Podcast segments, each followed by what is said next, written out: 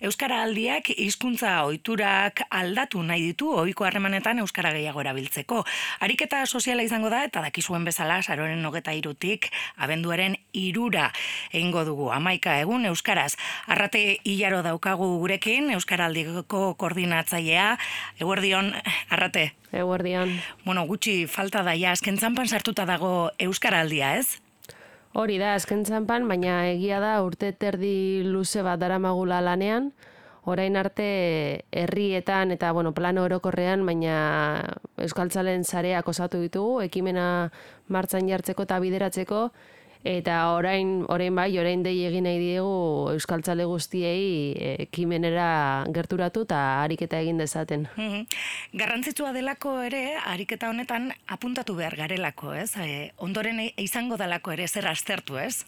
Bai, e, ariketa bat egiteragoa zuk esan duzun bezala, eta ariketa guztiek edo ohitura aldaketa guztiek bezala, honek ere eskatzen du alde batetik prestaketa bat, mhm. eta horretarako eman behar da izena batez ere, Hamaik egun horietan gertatuko diren egoerei aurre egiteko, modu erose, erosuenean aurre egiteko, hainbat tresna eskeniko dizkiegu herritarrei, txapa bera ere banatuko diegu izena ematen dutenei, txapa delako adirazteko ekimena egiten ari garela, bai, ez? Bai, parte eh, hartzean ari garen da, ez? Hori da, eta horrez gain, ikerketa bat egingo dugu, ba, aztertzeko e, Euskaraldiak zenbateko e, eragina daukan, hizkuntza aldaketetan, ze faktore dauden tartean, da horretarako, baina horregatik izena ematea beharrezkoa da norberarentzat eta gero bideo honetik goazen edo aldaketarik behar dugun jakiteko. Bai, ez eska askorentzat eh, izango da, bueno, ni ohikotan euskeraz bizitzen saiatzen naiz, ez? Egunerokotasun hortan ariketa hori ja, ja da egiten dut, ez?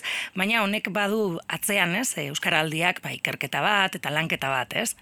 Bai, egia da, entzun izan dugula, ez? Pertsona batzuek esan dutela, bueno, ni saiatzen naiz beti lehengo hitza euskaraz egiten eta ez dut zaparik behar, zertarako egingo dut mm -hmm. berez egiten dudana, Bueno, alde batetik, oraingoan egingo dugu kolektiboan, e, ariketa erraldoi bat izango da hau, eta kolektiboan egiteak baditu abantaia batzuk, eta bat da, mm, askoz jende gehiago aurkituko dugu lagure inguruan ariketa egiten, orduan arau sozial hori aldatzea ere errazagoa izango dela, eta behar bada igual pertsona batzuentzat ez da beharrezkoa txapa jartzea, mhm. baina ziurrenik e, inguruko kideentzat oso lagungarria izango da berak txapa hori jartzea, ez? Babes, babes hori mhm. erakustea. Bai, ez, Euskaraldiko webunera sartuta eta hor agertzen zaizkigu, ez? Hau bizi eta belarri presten e, ba ezaugarriak edo, ez? E, nola e, jokatu behar den, ez? Eta hau bizien en, e, ba, testuan jartzen du, e, bueno, bagune babestuagoan ere sentitu izango zara eta hori egiteko ez? Eta hori ere garrantzitsua da, agian, ba, norbanako batzuentzako, ez? Bai, orain arte, eta egia da, ez? Badago la figura hori, behar bada mm. bizi izen ez dugu ezagutu, baina euskaltzalde aktibo horiek, ez? Lehengo hitza eta alduten euskaraz egiten dutenena, baina orokorrean izan da e, bueno, esoiko, esoiko ariketa bat, eta askotan oso mm, zaila eta komplikatua da erdaraz egiten digun persona bati euskaraz egitea eta elkarrezketa horri eustea, ez? Deserosoa da, ematen du leia baten gaudela, eta euskaraldiarekin ez goaz horretara, goaz, e, bakoitzak egin desala nahi duena, baina guk euskaraz egin nahi badugu, ez dugu behar ondokoak guri euskaraz e, erantzutea, ulertzen baldin badu nahikoa da. -hmm. ez? Eta hori dakar Euskaraliak eta inguruko e, belarri pres guztiekin e, horrek sortzen du babes egoera. Azkenean, guk e, pentsatu gabe gure egoskorkerian ari garela edo ze pentsatuko duten besteek, besteek ja adieraziko digute ez ez, zuke egidazula zai euskaraz. Nik mm. nahi dut zuk niri euskaraz egitea, zuk nahi baldin baduzu bentsat. Horregaitik hain garrantzitsua da hau biziaren figura belarri prestan bezala ere, ez? E, bai, biak dira ezinbestekoak, batak bestea behar du, argi dago belarri izateko hau biziak behar dituzula inguruan, baina esan dakoa, e, belarri prestekin e, asko zerrazagoa izango da biziek ere urratzak ematea eta gainera, batzutan pentsatzen dugu, ez, biziak euskaraz egingo du beti, eta berak e, aldatuko du hizkuntza edo mhm. inertziak azten ditu berak. Belarri presten kasuan ere, e, orain arte egin diren dinamika batzuetan ikusi da, beraiek ere hizkuntzaiturak aldatzen dituztela, ez daukate ardurarik, ez? Beraien ariketa ez da euskarari euste harreman guztietan, baina e, jendeak euskaraz egiten dienean askoz joera handiagoa daukate euskaraz mm erantzuteko eta orduan hizkuntza inertzien aldaketa hori birroletan egiten da. Bakoitzak e, daukan aukera gogoa momentuaren arabera, baina bietan egiten da aurrera. E, belarri prestak e, ulertu behar du, e, naiz eta bere egunerokotasunean ez izan lehenengo hizkuntza- e, hizkuntza. Bai, hori da gutxieneko ulertzea eta horren barruan egongo dira pertsonak ba, oraindik saltoa emateko gaitasunik ez daukatenak, eta egongo dira pertsonak euskaraz ondo edo oso ondo moldatzen direnak, baina behar bada ez daukatenak ohiturarik eta e, hogeita lau ordutan euskarari eusteko ariketa gehiegi irudituko zaiena, edo lan esparruan izan dutelako, edo hainbat arrazoirengatik, baina ulermena da eskatzen den bakarra. Birrolak ez daude, bueno, gaitasuna behar da, noski, eh, hau bizi izateko gaitasuna eduki behar duzu ez, hitz egiteko, baina birrolek ez dute gaitasun bat adierazten. Ze ariketa mota egiten ari garen adieraziko dute. Mhm. Orduan, norberak erabaki dezake, ze ariketa egin, eta horren arabera, hau bizi edo belarri prest izan. Hori da, ez? Euskaldun osoa izan zaitezke eta belarri prest izan, ez? Bai, bai, bai, bai, bai, eta horrekin, bueno, ziurrenik euskara gehiago erabiliko duzu amaik egun horietan, aurreko amaiketan baino, e, ingurukoi babesa adiraziko diezu, eta bada modu bat pausoak emateko, baina hau bizi bezala bat edo beste aurrera. Norbanakoen e, ariketa da, baina hala ere Euskaraldiak e, urte tardi honetan egin duena da, herriei ere deia egin, eta asko dira bat egin dutenak, ez? Euskal Herri osoko herri asko. Bai, orain izen emateko deia herritarrei egin diegu, baina hau martxan jartzeko sustatzaile sare erraldoi bat daukagu, holan deitzen diegu, eta bi planotan egiten dugu lan orokorrean eta herrietan. Orokorrean, o, lankidetzan ari gara erakunde publiko, gizarte eragile eta bestelako entitateen artean, baina e, ez dugu Euskal Herrira deialdia eginta ez dugu guk erabaki Euskal Herri osoan egingo denik ekimena. Herrietako euskaltzaleak batu dira lankidetzan hoiek ere izan eragile, ba, gizarte eragile erakunde publiko edo izan norbanako euskaltzaleak eta beraiek erabaki dute Euskaraldia herrian martxan jartzea.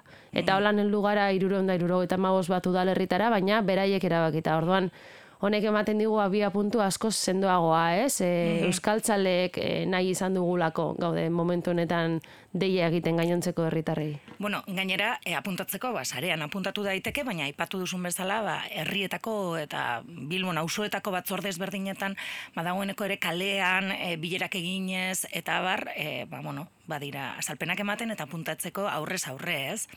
Hori da, e, bilan haundi ditugu orokorrean. Lehena da ekimenaren gizarteratzea edo deitzen duguna, eta hori da ez, jendeari kontatzea zer den, e, badakigu ez dela erreza hau bizita belarri prest rolak e, bueno, erraz barneratzea guk, ere, ka, guk urte terdi dara magontan, da bide pizkate egin dugu, baina denbora behar da, eta e, herri batzordeak hortan ari dira, eta Bilbon auzo auzo eta sare sozialetan ez, ikusten dira etengabeko aurkezpenak, eta lehena hori da, eta bigarrena izango da, izen eman duten kidoiei prestatzen laguntzea.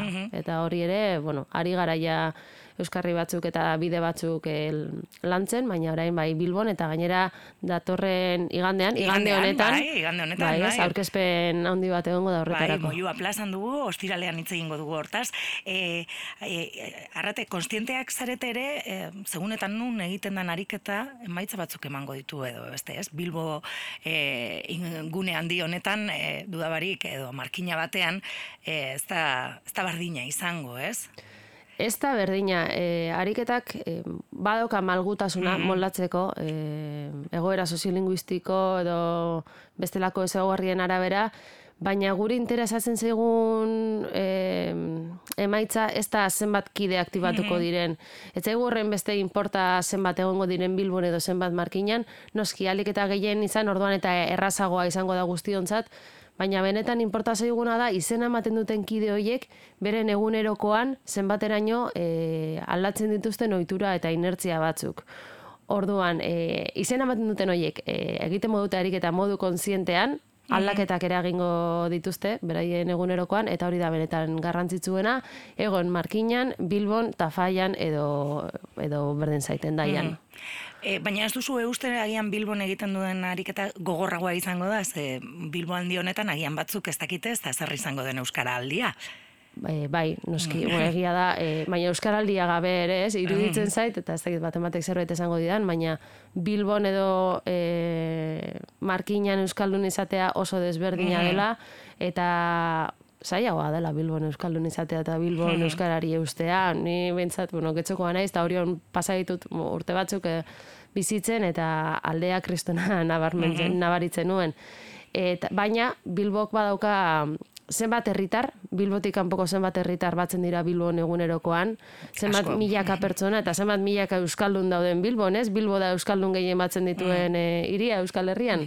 Ordan e, Bilbon pff, eragiteko mm, zaila da e, jendearen gana heltzea, baina heltzen baldin bagara apurka-apurka e, klabe batzutara heltzea eta aldaketak eragitea ba, oso esanguratsua izan daiteke emaitza. Mhm. Gero soziolinguistika klusterrak aipatu bezala, ez, e, ikerketa bat egingo du, ez, eta hor ere gero izango da zer aztertu. Bai, hori da gure helburua ikustea e, honek gure egunerokoan zenbaterainoko eragina daukan, hizkuntza ohituretan, zeintzu diren klabe horiek eta horretarako bi ikerketa mota egingo ditugu, baina batez ere herritarrei eskatuko diegu hiru galdetegi bete ditzatela, izena ematen dutenei. Borondatezkoa da galdetegiak betetzea, baina galetegi errazak dira, test modukoak dira, emailera helduko dira, eta gainera ordu laurden hogei minutuan eginda dagoen kontua da. Eta gainera norberarentzat ere interesgarria izan daiteke, ez? Lehenengo galetegia izango da ekimena baino egun batzuk lehenago zabalduko duguna, eta hor eh, herritar bakoitzak izan eman duten guztiek e, beraien hizkuntza iturei buruzko gogoetatzu bat e, egin beharko dute, galderak erantzuterakoan. Bigarren galdetegia izango da ekimena bukatuta egun batzutara, eta hirugarrena izango da hiru hilabetera. Eta holan ikusi nahi dugu hamaik egun horiek zenbateraino eragiten duten, baina ez hamabigarren egunean. Baizik eta handik hiru hilabetera ere zenbaterainoko aldaketak egon diren, edo ez diren egon, edo zeintzuk izan diren horretarako e, gakoak. Bai, ez, segurrenik momentuan, urrengo egunean aldaketak oraindik e, nabarmenak izango dira, bandik hiru hilabetera nola, nola jokatzen dugun, ez? Hori ere aztertu nahi duzu, ez? Bai, ikerketa hau egin zuten lasarten irten armeritik dinamika egin zutenean duela urte pare bat, eta ikusi zuten, e, bueno, hau bizien kasuan e, zehazki, gorakada oso handia izan zela, e, hogei puntuko gorakada egon zela amaika egunen, bueno, han amaika egun ez zituzten egin, baina egin zutena eta gero, baina hiru hilabetera gorakada hori ia mantentzen zela, amazortzi edo emeretzi punturen boltan zegoela. Horregatik uste dugu, bueno, horregatik gauda inkonbentzituta egiten ari garen honekin. E, badaukagula, ez, ikerketa bat, eta gainera dinamikakin dituzten herri guztietan errepikatzera doaz aurten, eta hori bada seinale. Eta nahi duguna hori da, hori ere aztertu e, Euskaraldian, e, ba aurrera egiteko segurtasun hori uki dezagun. Irakurtzen izun aspaldiko elkarrizketa baten, e, arrate, ezaten zenuela argi utzi behar dugula ere gizarteri, hau ez dela atzekimendu bat Euskararen alde, ez? E, badirelako bestelako horrelako bestelako festa, eta abarrez. E, gehiago dela egitearena eta aritzearena, ez? Bai, igual bi mezu, ez, hori da, ez da kanpaina bat, Orduan, txapa jartzen duenak eta izena ematen duenak jakin bat du argi ariketa bat egitera doala. Eta txapa jartzean erakusten ari zarena hori dela ariketa egiten ari zarela. Eta orduan honena dela e, hartuko duzun rola izatea benetan egingo duzun hori alde batetik Eta gero bestetik, e, ez dugula gure mundua salbatuko. Zan, mm Hau da, ariketa ekimen bat gehiago, e, uste duguna emaitzak utzi ditzakela argi, baina amabigarren egunetik aurrera ere jarraitu Jarraitu behar beharko lanean, hori argi eta garbi. Baina bai, ariketa bada. Mhm. Euskaraldia, esan bezala, saroaren hogeta irutik abenduaren irura izango da, aurten Euskal Herri osoan, e, suposatzen dut, aurtengoaren ostean ere honek jarraipena izango duela, ez? Ala nahiko nuke, bai, hori da gure asmoa, bere epeluzeko hildo bat da, Euskaraldia, e, holan sortu genuen, holan diseinatu genuen, eta progresibitate baten barruan egin nahi dugu lan, urratz txikiak planteatu aldiro aldiro, baina beti aurrera eginez, eta bakoitza dagoen abia puntutik. Eta aurten norbanakoekin ari gara, baina ziratik esan dugu bi oinarri dituela Euskaraldiak, eh? Des, edo hizkuntza ohituren aldaketak. Bata dela e, norbanakoek urratsak ematea, baina bigarrena dela urratz horiek babestuko dituzten neurriak eukitzea inguruan, ez? Entitateek, izan enpresa, erakunde publiko, elkarte edo Instituzio, bestelako guztiek, e, zer gehiago egin beharko luketen e, guk hau izi edo belarri prest e, izateko aukera auki dezagun gure egunerokoan leku guztietan. Eta Euskaraldiak bi helburu horiek ditu eta eta bueno, ari gara aurrera begirako planteamendua ere lantzen eta bueno, prest dagoenean kontatuko dugu, baina baina luzerako doan kontu bada bai. Bueno, printzipioz, mesua, ez, entzuleari, e, bueno, parte hartu nahi badu eta konsienteki ariketa egin, apuntatzeko e, eskatzen zaio, ez? Amasei urtetik gorako entzat, ez? Bai, helduentzako ariketa bat da. Badakigu gainera helduek egiten duten horrek zuzenean daukala eragina gazteagoengan e, eta bueno, gaztetxoagoren bat badago, ba, esango nioke ba, e, helduei begira e, aktibatzeko esateko bito. Orain zuen txanda da, ez? Bestela askotan gaztei edo nerabei umei e, jartzen diogu erantzukizuna eta ez gurea. Horretarako euskaralia.eus atarian sartu daiteke eta hor dago izena erraz emateko aukera. Bueno, eta Bilbon ere, badea e, lokala, unamuno plazan e, dagoena, e, bertara hurbildu eta nere aurrez aurre ere egin daiteke. Ba, arrate jaro, eskerrik asko gaur Bilbo iria irratira hurbildu izanagaitik. Eskerrik asko zuei.